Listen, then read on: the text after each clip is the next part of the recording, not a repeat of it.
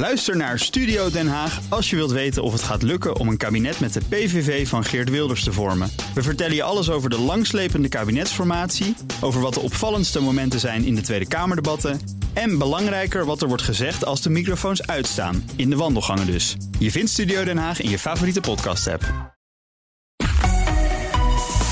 BNR Nieuwsradio. Boekenstein en de Wijk. Hugo Rijksma.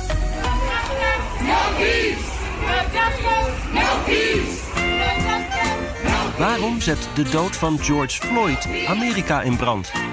Wat gaf net het setje voor de zogenaamde Arabische lente? En wat is het succes van Sesamstraat?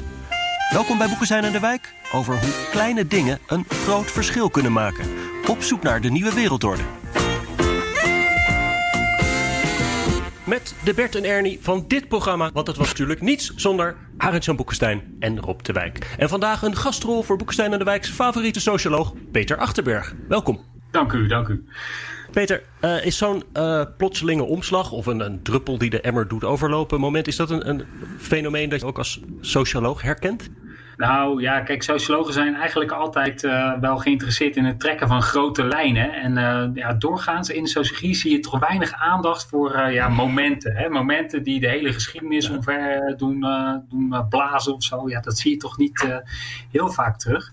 En dat betekent niet dat het moment nu, hè, dus bijvoorbeeld met die, met die casus in Amerika en Minneapolis, dat dat niet interessant is. Maar ik zou er toch zelf veel uh, eerder uh, interpreteren als uh, ja, iets wat de bestaande zorgen en de bestaande ideeën over rassenongelijkheid in dit geval, of onveiligheid ja. door politie, ja, eigenlijk ja, katalyseert. Maar niet ja. zeg maar alles in één keer helemaal omver en alles wordt helemaal anders. dat, ja, dat, ja. dat geloof ik eigenlijk niet zo. Zo meer over de situatie in Amerika. Maar Arjan, eerst nog eventjes, als we kijken naar onze onderwerpen van de internationale betrekkingen. Kijk jij dan vaak naar dat soort omslagmomenten? Of misschien een soort breekpunt?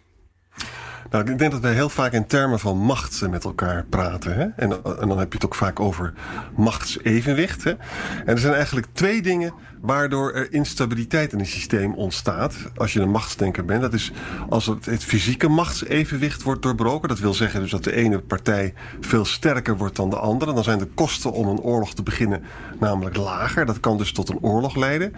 En de andere is uh, interessant genoeg legitimiteit. Hè? Van als mensen een bepaalde orde als heel uh, als, als weinig legitiem ervaren, dan is dat ook een reden om er tegen in opstand uh, te komen. Dus toegepast op China zou je dus kunnen zeggen: China wordt militair natuurlijk nu steeds sterker, hè, maar dat is nog steeds niet sterk genoeg natuurlijk om Amerika echt aan te kunnen, omdat Amerika natuurlijk veel krachtiger is.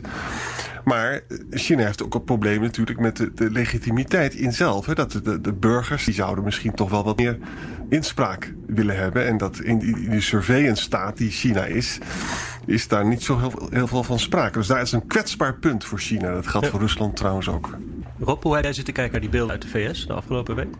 Ja, ik heb er redelijk neutraal naar zitten kijken. Ik bedoel, wat daar gebeurd is, uh, laat dat uh, volstrekt duidelijk zijn, is, uh, is verschrikkelijk.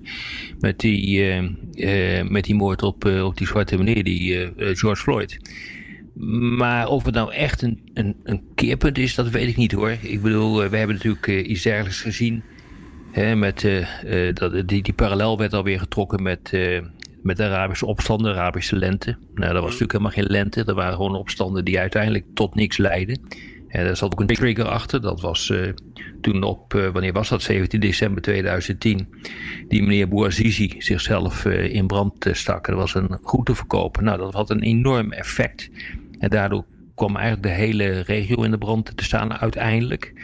Maar uiteindelijk heeft het ook niet zo op, veel opgeleverd. Dus eh, het, je, je, ziet dat dit soort dingen wel gebeuren, maar vaak gebeurt er ook eigenlijk niet zo gek veel. Het levert niet zo gek veel op. Een paar grote uitzonderingen natuurlijk. 1989, de Europese revolutieval van, uh, uh, van, van het communisme. Eerst Oost-Europa, daarna de Sovjet-Unie. Russische revolutie, 19, 1917. Idem dito. Maar voor de rest gebeurt er niet zoveel hoor. Weet je wat wel een verschil is? Dat ik opeens te bedenken van. eh, je had ook grote rellen eh, in Amerika in 67 met die kerstrellen en dan 68 hè, en dan kreeg je Nixon. hè. Frankrijk. Ja, en dat waren toen met name dus in de grote steden eh, kwamen de zwarten in opstand, ook met de moord op Martin Luther King. Wat je nu ziet is dat die demonstraties heel veelkleurig zijn. Hè? Zowel wit als ook eh, Hispanics en zwarte. En in die zin zou je dus kunnen zeggen, en dat is ook hoopgevend, zou er iets kunnen veranderen, omdat die demonstraties veel breder gedragen worden dan alleen door zwarten. Ik weet niet wat Peter daarvan denkt, maar 68 is inderdaad, eh, wat Aart-Jan net zegt, is een goed voorbeeld. Ook daar had je zo'n trigger. Hè? Eh, de rector van de Sorbonne die vond het nodig om een demonstratie te beëindigen. En die heeft eh, eigenlijk gewoon het plein van de Sorbonne leeggeveegd. Nou, dat heeft geleid tot al die. Door de enorme kettingreactie eh, die in Europa plaatsvond en daarbuiten. Eh, maar ja, wat is nou eigenlijk het, het effect van 1968 eh, geweest? Peter, Peter wat, Ja. hoe kijk jij daar tegenaan? Ja, kijk, ik denk eh, eh, zeker het gedachtegoed eh, van de jaren 60. Hè, dus zeg maar ja, de, de, toegenomen aandacht voor democratisering, voor individuele vrijheid. Dat zie je steeds wijdverbreider eh, ehm, ja, gedeeld worden in de hele westerse wereld hè, sindsdien. En het is eigenlijk gemeen goed geworden. Hè. Dus, ik- iedereen wil zichzelf tegenwoordig zichzelf worden. Hè? Dat is een beetje het grootste ideaal. En je moet je ontplooien. En dat waren ook, zeg maar, in de jaren 60 waren dat de idealen waarvoor gevochten werd. eh, eh, eerst door een kleine elite en dan later. Maar eh, om nou te zeggen dat het een zware revolutie is, dat het van de een op de andere dag in één keer helemaal om, omgeslagen is, dat is heel gradueel Nee. gegaan. Hè. Dus ja, ja, ik bedoel, we zitten wel degelijk in de erfenis van die jaren. Hè? Dus we hebben daar mee, alledaags mee te maken. Als je naar de HEMA gaat, dan kan je ook dingen kopen en jezelf worden. Hè? Altijd jezelf, ga naar de HEMA. En eh, dat, is, dat kan je zien als een rechtstreeks gevolg van, van die jaren 60. Maar eh, ja, revolutionair eh, geloof, ik, geloof ik niet. Nee, was het ook niet. Nee. Ja, ja, precies. En, en nu ook, hè, wat, wat Arend Jan zei. ehm, ehm, van, ehm, ja, dat het nu diverser is, hè, het, het protest. Eh, ja, dat, dat klopt. Hè. Het protest tegen eh, zeg maar, eh, politiegeweld en discriminatie is, is diverser. Maar, maar er zijn ook heel veel mensen die juist enorm weer denken van nou ja, donder maar anders maar even lekker op met je gewelddadige protesten. Hè. En, eh, eh, dat stond geloof ik ook in de New York Times eh, zo'n column van send in the troops of zo, weet ik veel. Nou ja, ik bedoel, er zijn dus ook heel veel Amerikanen die vinden dit volstrekt waardeloos. En die, die eigenlijk wensen ze een gewoon radicaal einde Nou ja. aan dit protesten. Hè. Dus ja, je kan je ook afvragen of het wel breed ge- genoeg gedragen wordt. Hè. Nou, dat is interessant dat je dat zegt. Hè. Ik heb eerder het gevoel dat als het iets teweeg brengt, dan is het de reactie die Trump heeft eh, gegeven. Je, net, eh, je hebt net gezegd van send in the troops. Inderdaad, dat heeft hij gezegd. Een ander voorbeeld is het eh, leegvegen van het plein voor het Witte Huis. Zodat de president met een Bijbel kon poseren voor een kerk. die in de fik was gestoken door demonstranten. Dat soort dingen zouden als tweede orde effect van, die, eh, van die moord op George Floyd wel eens een keer veel heftiger kunnen zijn eh, dan de aanleiding zelf. Eh, maar dat is dus echt curieus hoor, als dat een zou gaan omslagpunt kunnen worden voor de steun voor Trump misschien. Ja, Ja. en, en, en het feit dat. eh, Nou ja, maar. We, weten het feit niet dat of Jim dat een... Mattis, de oud-minister van Defensie Jim Mattis, hè, die heeft dus in Atlanta, dat is echt heel interessant hoor, die keerde zich dus tegen Trump. Hè. Jullie, we- jullie weten dat binnen de Republikeinen zijn mensen te laf om hun mond te, te openen. Hè. Maar Jim Mattis zei van, wat gaan we nu het, onze eigen krijgsmacht afsturen op onze eigen burgers? Wat is het voor een... En trouwens, equality for the law, hè, equal for the law, is, is, staat in onze grondwet. Nou, je moet goed bedenken, Jim Mattis is, is zeer gerespecteerd in de Amerikaanse krijgsmacht. Hè?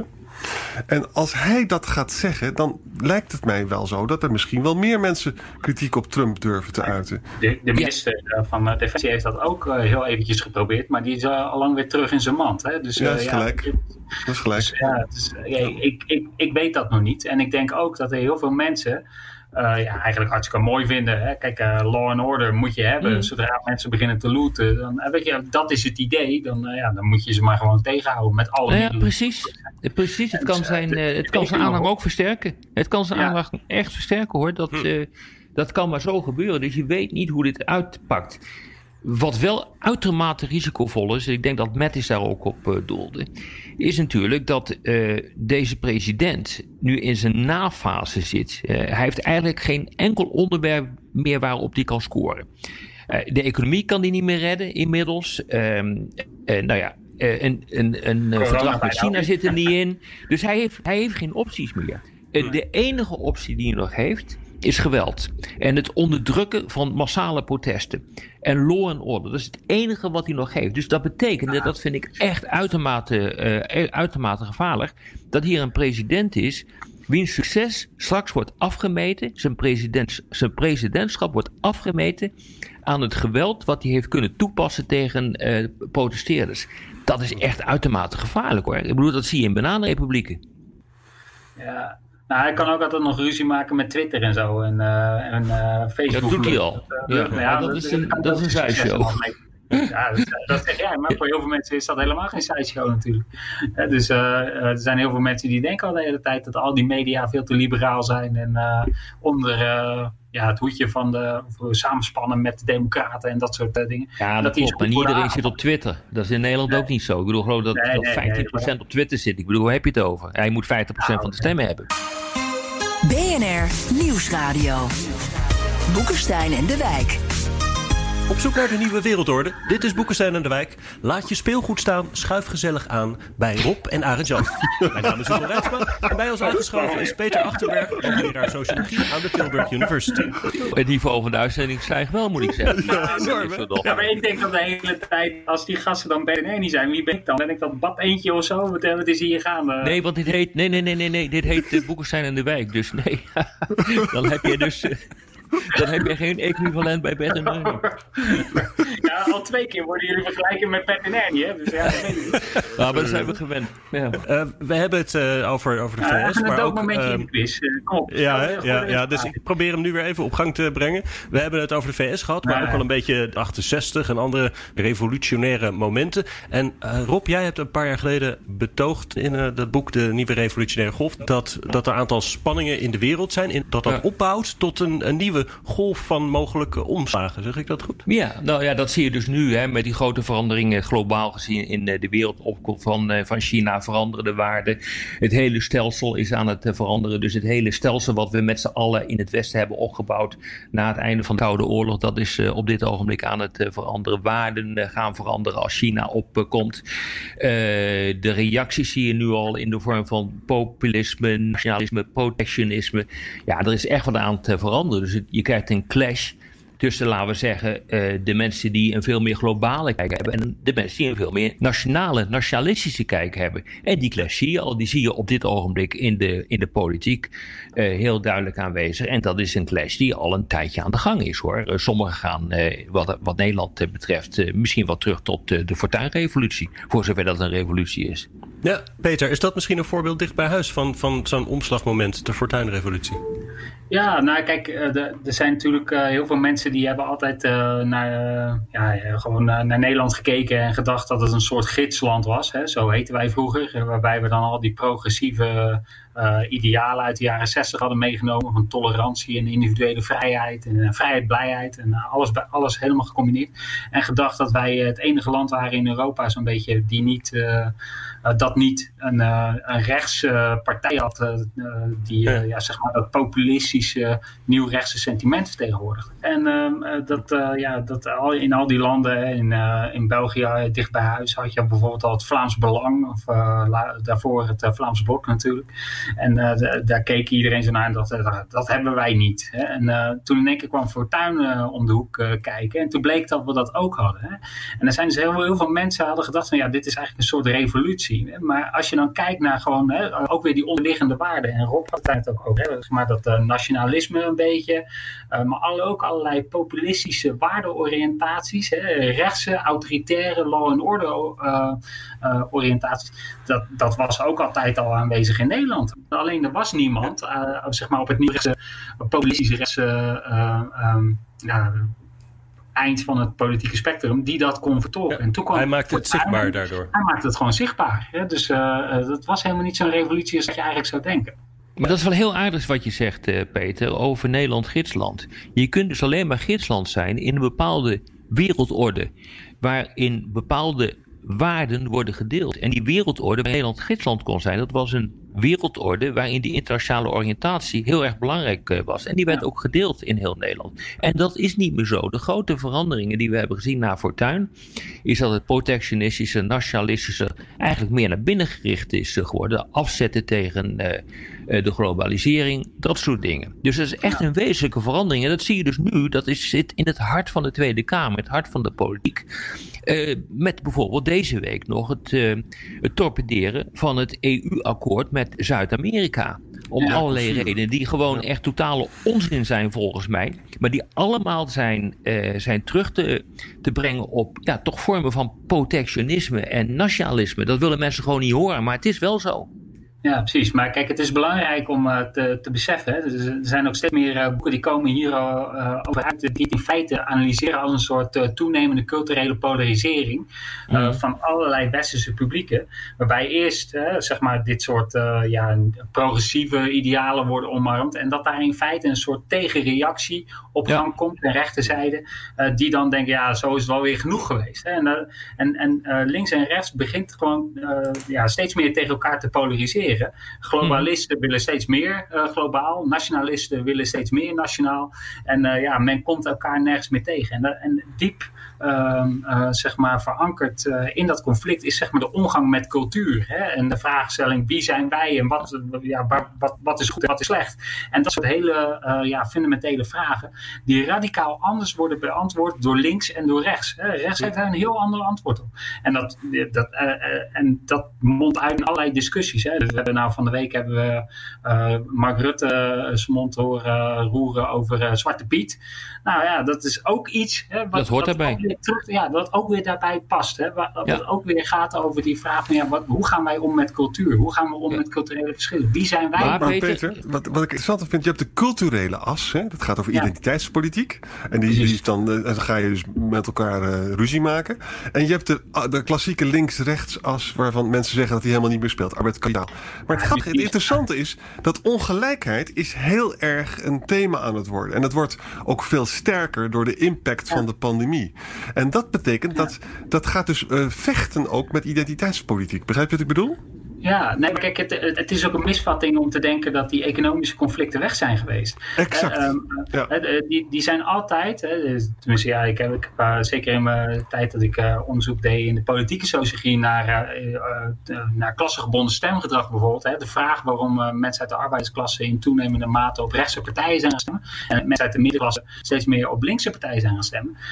daar vond ik ook al dat die economische dimensie, hè, die economische bronnen die, die eigenlijk de andere kant op willen sturen, uh, dat die altijd gewoon geldig zijn gebleven. En dat het voor mensen steeds moeilijker is geworden om, om te navigeren in het politieke landschap, omdat je nou eenmaal tegengestelde motieven hebt gekregen. Je hebt die economische motieven, die blijven belangrijk. Maar je hebt ook die culturele motieven die dan gewoon jou een andere kant op willen sturen. En dat maakt het maar dat is allemaal zo, hè, Peter. Maar, maar één probleem heb ik toch wel echt met deze discussies. En ik respecteer ze van links en rechts. Ik bedoel, dat is het punt niet.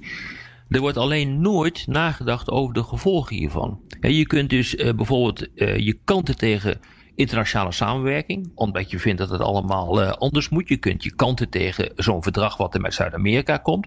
Maar wat zijn daar nou de consequenties van? Voor bijvoorbeeld een, een, als Nederland, met de meest geglobaliseerde economie zo ongeveer van de wereld, die inderdaad leeft van het buitenland.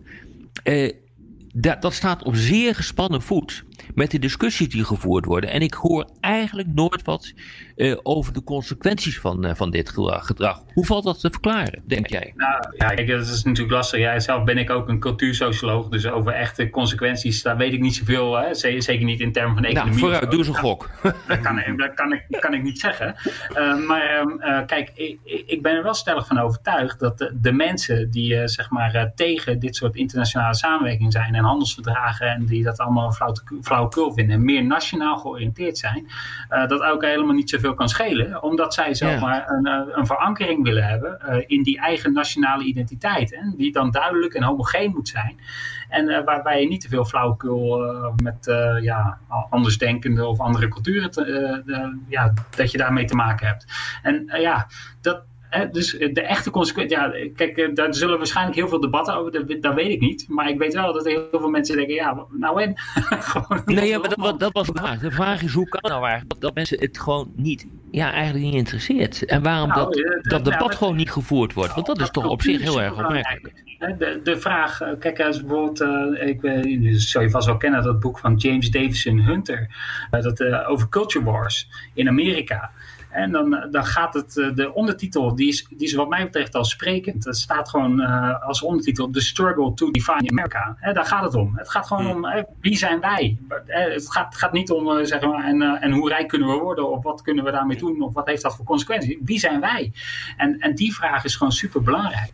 En ik snap wel dat dat consequenties hebben, maar, heeft, maar uh, ook heel veel, uh, ja, de linkerzijde en de rechterzijde zullen ze daar andere antwoorden op hebben. Dus ze zullen, nou ja, kijk, ze zullen waarschijnlijk met jou helemaal niet eens zijn dat maar, dat slecht maar weet je, maar, maar Mercosur is een heel mooi voorbeeld. Hè, van hoe komt dat nou? Want, want Rob heeft natuurlijk volkomen gelijk dat het eigenlijk ontzettend angstaanjagend is om te zien dat mevrouw Kaag staat daar in de Tweede Kamer, die probeert het verdrag te redden. En er is gewoon een meerderheid in de Tweede Kamer die heel kritisch staat. Hè?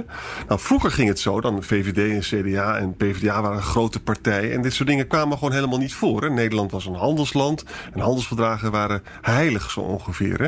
Wat je nu ziet is een, uh, een, een alliantie tussen aan de ene kant links GroenLinks is tegen dat verdrag omdat het uh, problemen heeft met het kapitalisme. En aan de andere kant heb je de soevereinisten, zoals, zoals Baudet en zo, die weer bezwaar hebben tegen het feit dat hier de nationale soevereiniteit wordt aangetast met al, allerlei arbitrage uh, dingen. En dat is dus een combinatie van uh, ongelijkheidsdenken, maar ook uh, identiteitspolitiek. En die heel erg slecht is voor het ja. Nederlands belang. Ja. Met andere woorden, ik ben een cultuurpessimist aan het worden. Hey, even, even, nog, even nog iets over hoe dat nou werkt met die veranderingen, uh, Peter. We hadden het dan over omslagpunten. Een beetje denkend aan dat, dat Tipping Points, dat boek van die, ja. uh, die Canadees Malcolm Gladwell. Uh, die, die zegt ook een soort sociale epidemieën. Iets, een idee bouwt op en dan is er een kritische massa en dan komt er ineens een omslagpunt. Ja, is, is dat hoe, dat, hoe dat werkt? Nou, kijk, um, uh, ik, ik, heb me naar, uh, ja, naar aanleiding van deze uitzending een beetje verdiept in deze theorie. Uh, ik heb het boek eerlijk gezegd niet gelezen, maar wat ik wel zag... Ik ook niet. Ja. Is dat... Um, um, ja, die, die theorie van dat omslagpunten gedoe, dat dat een beetje een lege theorie is. Hè? Dus uh, het zegt zoiets als van ja, er gebeuren wel eens dingen. Hè? En uh, ja, die kunnen dan in één keer omslagpunten uh, zijn. En dan in één keer wordt alles anders. Maar die theorie zegt in feite niet, zeg maar, ja, welke dingen er dan moeten gebeuren. en hoe die reactie dan precies gaat zijn onder welke condities. Hè? Dus dan maakt het super lastig om nou ja. zeg maar, daar iets superzinnigs over te zeggen. -hmm. nou ja, wat, ik gedaan heb in dat, wat ik gedaan heb hebben in dat boek over uh, de nieuwe revolutionaire golf, hebben ze ook allemaal eens op een rij gezet. En er zijn toch wel een aantal voorwaarden die aanwezig zijn. Eén daarvan is gewoon onverbiddelijk verarming van de bevolking. Gewoon, dat is echt gewoon, iedere keer zie je dat dat een groot probleem is. Zag we in 1848, grote hongersnoden in Europa. En dan zie je dus dat er een, uh, ja, een verelending ontstaat onder de bevolking. Uh, die het mogelijk maakt om grote veranderingen af te dwingen. Dat is echt een essentiële voorwaarde. Ook, en dan vervolgens moet er een soort trigger zijn. En die is niet te voorspellen. En daarom is natuurlijk deze discussie die we voeren uh, wel aardig. Van, met de vraag: is nou de dood van een zwarte man in Amerika een trigger? Nou, vermoedelijk is dat niet het geval, omdat een aantal andere voorwaarden ontbreken.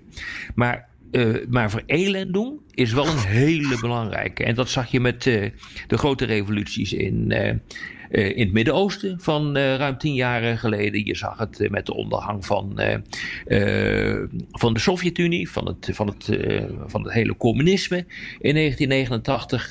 dus echt die gelukte en ook degenen die niet gelukt zijn, daar zat altijd dat hele probleem achter van, uh, van een economie die het niet deed. Behalve dus in, 18, uh, in 1968. Daar speelde dat niet. Je zou kunnen zeggen, regime-transities zijn de onvermijdelijk, maar niet voorspelbaar. Hè? De, nee. Het moment waarop het komt, kan je niet uh, ja. zeggen. Voor de radio moeten we afsluiten, maar op de podcast gaan we door met luisteraarsvragen. Luistert u op de radio, dan verwijs ik naar Apple Podcasts, Spotify of bnr.nl. Ook vragen stellen of reageren op Twitter, BNR De Wereld. Robin Leskens vraagt: Voorzien jullie de mogelijkheid dat deze protesten in de VS een averechts effect hebben ten aanzien van het beoogde doel? Kunnen burgervrijheden niet juist onderdrukt worden ten behoeve van maatschappelijke stabiliteit als reactie hierop? Ja. Ja, goede vraag hoor. Dat is ook zo. Dat kan. Ah, Jan? Dat zal, dat zal de, de president ook uh, proberen. Jullie zeiden, al terecht van er zijn een hoop mensen in Amerika die vinden dat plunderen niet kan. Daar hebben ze trouwens gelijk en dat kan ook helemaal niet. En die vinden dat er een einde aan moet komen. En die vinden dat Trump tenminste dan doorpakt. Hè? En Trump kan het natuurlijk ook gebruiken om uh, burgerrechten te verminderen. Het gaat over demonstratierecht natuurlijk. Hè? Hij heeft het al gedaan met die Bijbelactie. Dat waren gewoon vreedzame demonstratiegangers, toch? En die werden weggepoetst omdat hij even een Bijbel voor een uh, kapelletje wilde ophouden. Het was wel een vertoning hoor. Je, je ziet er ook, zie je, dat uh, in Nederland uh, zie, zie je eigenlijk dezelfde discussie. Hè? Met, nu met dat hele gedoe op de Dam, we hebben het nog niet echt besproken natuurlijk. Maar da daar zie je ook zeg maar, de discussie tussen het recht op ja, demonstratie aan de ene, ene kant en ja, veiligheid ja, veiligheid aan de andere kant, dat bijt altijd ergens. En ja, dat is een lastige discussie. Hè? Dus uh, ja, daar moeten we ook met z'n allen waar zien uit te komen. Maar uh, ja, het is een goede vraag. Daarop aansluitend een vraag die ik zelf ook wel integrerend vond van een dokter-professor. Twitter-dokter-professor. Uh, die vraagt. Het is meestal de professor dokter hoor. Ja. Weet ik uit eigen ervaring.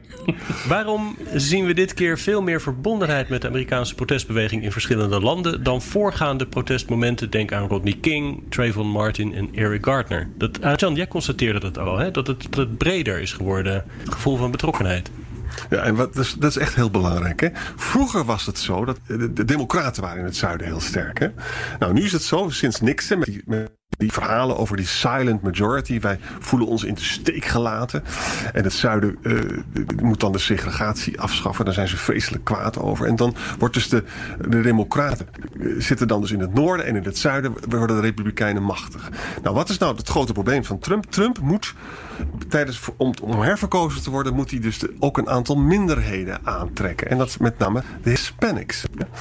Nou, die Hispanics die zijn uh, katholiek en die zijn cultureel conservatief. Dus dat zou wel kunnen. Maar die balen ervan dat, uh, dat, dat, dat zo met, met die verzorgingsstaat natuurlijk niet erg ont, ontwikkeld is onder Trump. Want die hebben ze wel nodig, want het zijn ook kwetsbare groeperingen.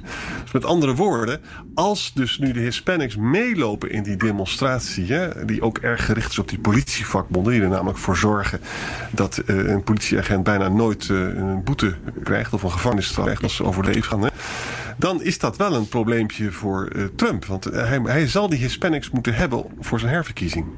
Ook demografisch, hè? Mm. Ja, want, want, ja want, want ik dacht eerlijk gezegd uh, dat... Um, um, ja, kijk, wij zitten natuurlijk al, uh, al vier jaar uh, vol fascinatie met z'n allen te kijken naar wat daar, wat daar in feite gaande is.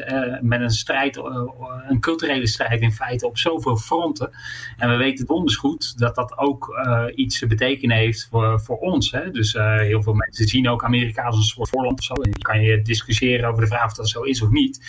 maar er zijn al heel veel mensen die daar denken... Ja, wat daar gaande is, dat is helemaal niet goed.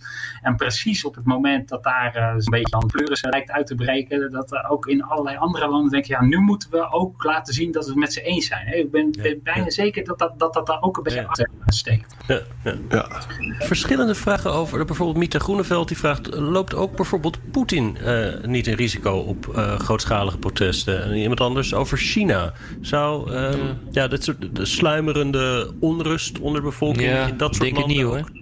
Een Goeie vraag. vinden? Nou, ik denk het niet. Ik denk dat China redelijk stabiel is. Hetzelfde geldt voor Poetin. Maar Poetin uh, heeft China, wel demonstraties. Uh, zeg je? Poetin heeft, wel, Poetin heeft wel last van ja, meer maar, niet, maar niet, dat is niet bedreigend. Ik bedoel, het richt zich veel meer op uh, andere elementen binnen zijn, binnen zijn administratie, binnen zijn entourage. Op dit ogenblik bijvoorbeeld de burgemeester van Moskou is aangewezen om die hele coronatoestand in goede banen te leiden. Dus Poetin die staat daar redelijk, redelijk buiten. Nee, maar het is redelijk, nog redelijk kleinschalig. En de grootste bedreiging voor Xi Jinping is bijvoorbeeld een hongersnood. Uh, en dat, daar hebben de Chinezen wel hele slechte herinneringen aan. En uh, dat is denk ik de grootste bedreiging. Dat is ook een van de redenen waarom ze zich zo ongelooflijk druk maken uh, over de voedselvoorziening. En bezig zijn met het, met het kopen van allerlei stukken land overal in de wereld. En het angstaanjagende is zo'n surveillance staat als China... is natuurlijk heel erg goed in staat om dat soort dingen allemaal te dempen. Hè? Kijk maar, dat Noord-Korea doet het ook heel succesvol. Hè? Ga maar eens een opstand starten. Ja. Gezellig met z'n allen. Ja. Ik heb hier nog een meer technische vraag voor Peter. Ehm, over tipping points. Karoma die vraagt welke niet en masse geuite emoties in een periode voorafgaand leiden tot tipping points. Is er iets te zeggen over hoe lang gemiddeld die periode duurt? Wat hebben tipping points met elkaar gemeen? Uh, ja, dat weet ik echt helemaal niet, joh. Kijk, ze, kijk uh, zeg maar, wat, wat ik las is dat er zijn al van die instituten die bijvoorbeeld um, veronderstellen dat als 10% van de mensen heel sterk ja, vastgehouden nieuwe waarden of denkbeelden huldigt. En voor de rest niemand daar echt enige ja, uh, notie nog van heeft of zo. Dat het dan kan zijn dat, uh, dat, je, dat jij met zo'n uh, kleine kritische massa de hele maatschappij met je mee kan krijgen. Dat klinkt wel um, maar, je ja, ja, dat zou kunnen. Um, ja. Alleen het punt is heel vaak dat er heel veel mensen zijn die natuurlijk allerlei denkbeelden al hebben. Hè? Dus ja, wordt de vraag hoe vaak dat voorkomt. Dat er in één keer helemaal nieuwe issues of nieuwe ideeën ontstaan die voor de rest zo nieuw zijn dat niemand er ooit over nagedacht heeft. Hey, dit wordt bijvoorbeeld ja, ook in de reclame gebruikt, hè? de influencers. Of uh, ja, dat, die referentie aan, aan Sesamstraat kwam daar vandaan. Dat, dat die Malcolm Gladwell schreef van die hebben voor het eerst gekeken van hoe kijken kinderen nou tv en wat slaat aan bij ze. En als ze dan dat gaan doen, krijgen we de boodschap ook. Ja. Maar weet je, om aan te geven kunnen, hoe... Weet je, om aan te geven hoe moeilijk het is met die tipping points, is de Franse Revolutie een mooi voorbeeld. Hè? Je zou een theorie willen hebben als de voedselprijzen enorm stijgen, dan neemt de revolutiebereidheid toe. Maar als je goed kijkt naar de Franse Revolutie, dan daalden ze dus een beetje voor 1789. Nee, en dat was in toch, 88 waren ze heel hoog. Uh, jawel, maar, maar mensen dachten toen van, uh, maar we hadden gehoopt ze veel meer zouden dalen. En toen werden ze ah, nog ja, ja, bozer, ja. weet je wel. Dus het is altijd, je moet altijd weer een heel unieke uh, historische verklaring hanteren. Nee, maar en al die dingen die ik destijds heb onderzocht, hè, dat zijn er een stuk of 20, 25. Nou, dat duurde allemaal een paar maanden. En dan uh, was dat ook weer voorbij, door de bank genomen. En een paar lukte en de meeste lukte gewoon niet. Er was een hoop opgedoe ook in de media. Iedereen dacht dat de wereld verging. Maar dat, dat wilde toch maar niet gebeuren hoor, na een paar maanden. Dus dan waaide dat weer hoog. Uh, praat je eigenlijk een beetje richting uh, de laatste vraag met het vergaan van de wereld. Want Joris den Berg wil weten, zou het kunnen dat een tweede Amerikaanse burgeroorlog dichterbij is dan de derde wereldoorlog? Theoretisch gezien denk ik wel, ja. Want die derde wereldoorlog die wil helaas maar niet uitbreken voor ons, hè? Helaas. Nou, jullie hebben toch niet, niet heel lang geleden zo'n gast gehad. Uh, die, uh, of uh, is hij niet bij jullie geweest? in ieder geval zo'n militair analyticus. die, die ging voorspellen wanneer ja. de derde wereldoorlog... Ja, dat, wil ook, dat wil ook maar niet lukken, hoor. Dus ja. nou, dat gaat dit jaar gebeuren, heb ik gehoord. Dus, uh, nou, Zeker. Moet die burgeroorlog helemaal dat... een beetje opschieten natuurlijk. Anders, ja. anders zal dat de geloofwaardigheid van Rob en Arend Jan uh, geen goed doen. maar, maar, uh, maar een argument er tegen, tegen die stelling is dat het zuiden in Amerika is juist staat op het punt om eigenlijk misschien wel uh, de Republikeinse Partij te verlaten door die demografische ontwikkelingen. Texas bijvoorbeeld is, ook, is misschien wel een swing state aan het worden. Ja. En dat is natuurlijk toch wel heel uh, interessant. En dat betekent dat, dat er dus geen burgeroorlog komt, maar dat ze meer op elkaar gaan lijken, Noord en Zuid. Het is in ieder geval waar dat, uh, dat Amerika natuurlijk op, op heel veel vlakken enorm uh, ja, gepolariseerd is. Sociaal-economisch is het natuurlijk gepolariseerd als de, als de neten, maar ja. cultureel ook. Hè? En dat maakt eigenlijk ja. niet uit hoeveel mensen er nou links zijn, te vinden zijn en hoeveel mensen er rechts te vinden zijn. Het gaat erom dat dat zo gespleten is, dat die gasten elkaar ook bijna helemaal niks meer te vertellen hebben. Ze hebben een eigen nieuwszenders en uh, ze, ze ja, zitten allemaal hun eigen praatjes op te hangen en uh, niemand praat meer met elkaar. En uh, ja, dat, in die zin, ja, ik weet niet, ja, er komt geen geweld aan de pas, maar is die burgeroorlog al lang gaande, zou je kunnen zeggen. Dus ja, het ja. is een, een, soort gepacificeerde, gedemocratiseerde burgeroorlog, maar ja, alles is gewoon een grote klerenzooi, lijkt het wel. Een mooie maar, gedachte om deze uitzending mee te eindigen. Precies.